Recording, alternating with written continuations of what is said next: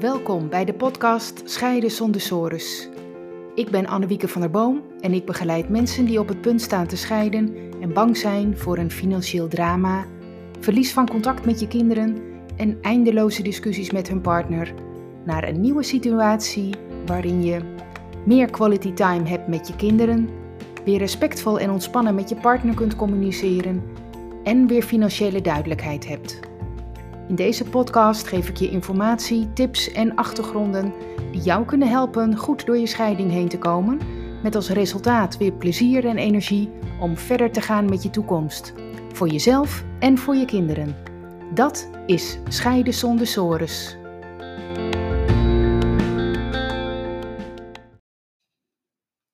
Betekent juridisch geen kans een hopeloze zaak?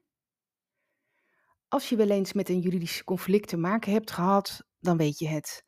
Er zijn juridische regels, wetten en die bepalen wat recht en onrecht is. Uh, die heb je op alle gebieden. Strafrecht, contracten, regels van de overheid. Bijvoorbeeld, mag je buurman een balkon plaatsen dat uitkijkt op jouw tuin? Welke grond is van jou en welke van de buren?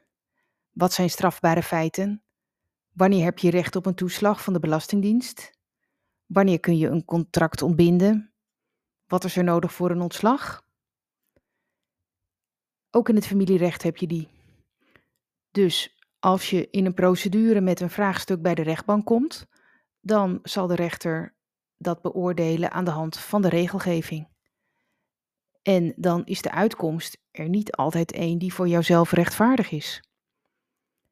Je krijgt bijvoorbeeld veel minder geld dan dat jij eerlijk vindt. En de ander waarschijnlijk minder dan hij of zij eerlijk vindt. Dat is nu eenmaal zo. Zonder regels zou het helemaal een puinhoop worden in de maatschappij. dus regels zijn nodig. Maar ja, soms is een uitkomst juridisch misschien wel in orde, maar het voelt oneerlijk en het voelt ook onrechtvaardig. En je kunt dan nog wel een keertje in hoger beroep bij een procedure, maar dat is het dan. En ook dan wordt er getoetst aan de regelgeving. Het hele grote verschil met mediation is dat je in mediation daar soepeler mee om kunt gaan. En zo kom je dan hopelijk tot een uitkomst die wel rechtvaardig voelt. Dat is natuurlijk wel een hele kunst, want het moet voor beide partijen rechtvaardig voelen. Ik moet denken aan een situatie die ik uh, onlangs meemaakte. Mijn klanten, ik noem ze even Jos en Lydia, die um, zijn in de 50 en die hebben drie kinderen van begin 20, van wie de oudste al zelfstandig, werkt, uh, zelfstandig woont en, uh, en, en zelf werkt. En de jongste twee die zijn op kamers en die studeren nog. Ze waren niet getrouwd en hadden wel een samenlevingsovereenkomst. Ja, dat trouwen was er eigenlijk nooit van gekomen. Um, ja, en dat is dus al iets wat juridisch gezien een verschil is. Want als je getrouwd bent en je gaat scheiden, gelden er andere regels dan wanneer je samenwoont en gaat scheiden. Maar ja, daar sta je niet altijd bij stil natuurlijk als je bij elkaar bent. Enfin, er kwam een scheiding aan. Uh, ze kwamen best uh, gespannen binnen, want uh, ja, Jos en Lydia kenden hun juridische positie al aardig goed. En uh, ze wisten eigenlijk allebei wel dat hij nogal ongelijk was, financieel gezien. Want ja, wat was het geval? Al het vermogen was juridisch gezien van Jos. Hij had een grote woning en een behoorlijk vermogen, echt een behoorlijk vermogen op de bankrekening. Lydia had geen huis, ook niet een half huis, en maar een klein bedrag aan spaargeld. Terwijl ze al die jaren, want ze waren al heel lang samen, uh, in een prachtig groot huis woonden uh, en in goede welstand leefden. Ze konden vaak met vakantie, ze konden ook de studie van de kinderen betalen, ze leefden gewoon heel royaal. Uh, dat kon ook, want Jos had een heel goed inkomen en Lydia werkte ook, maar ze had wel een lager inkomen.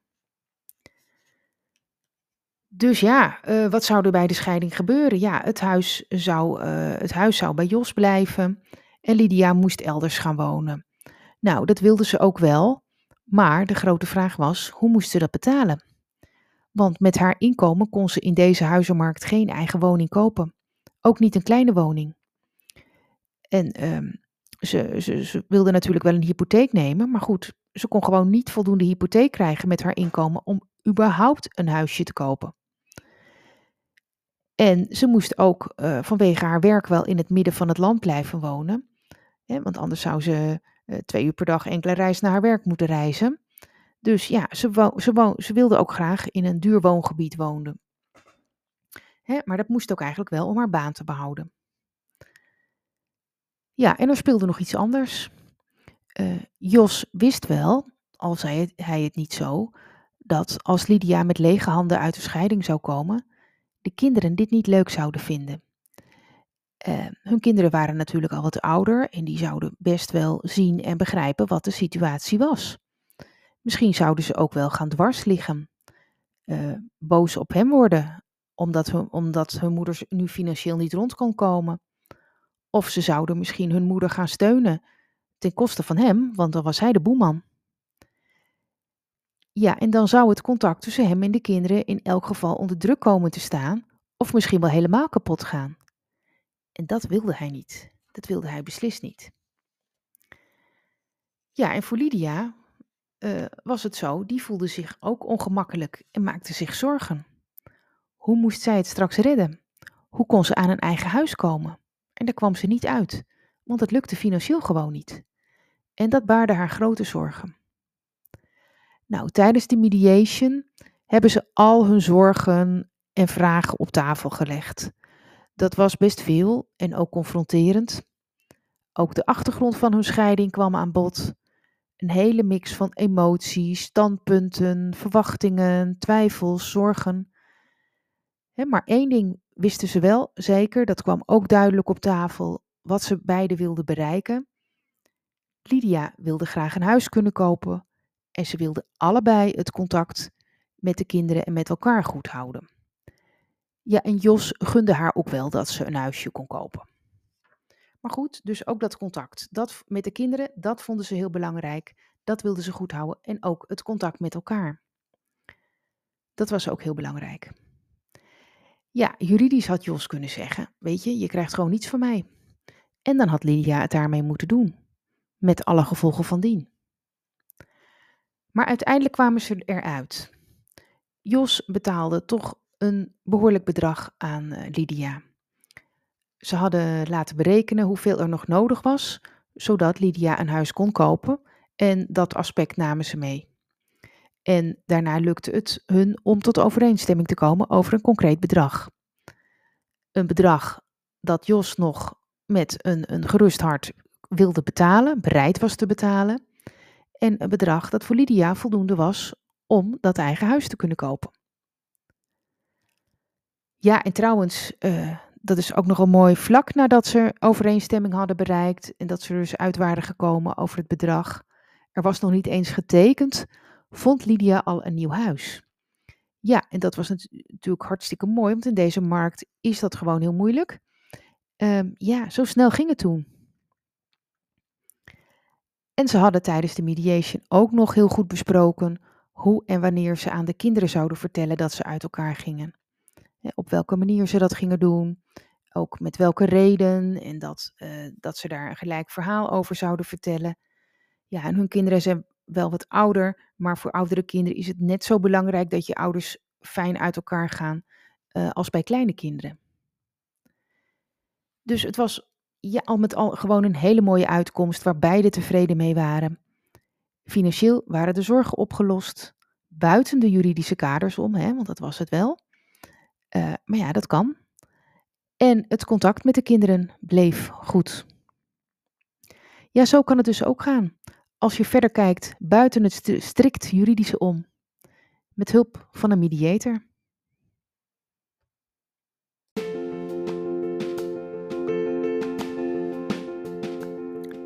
Leuk dat je hebt geluisterd naar deze aflevering.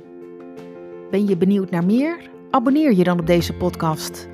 Dat kun je doen door bij Apple Podcast op het plusteken rechtsboven te klikken en dan zie je volgen bij Spotify door linksboven op volgen te klikken. Wil je meer weten over mijn full service mediation?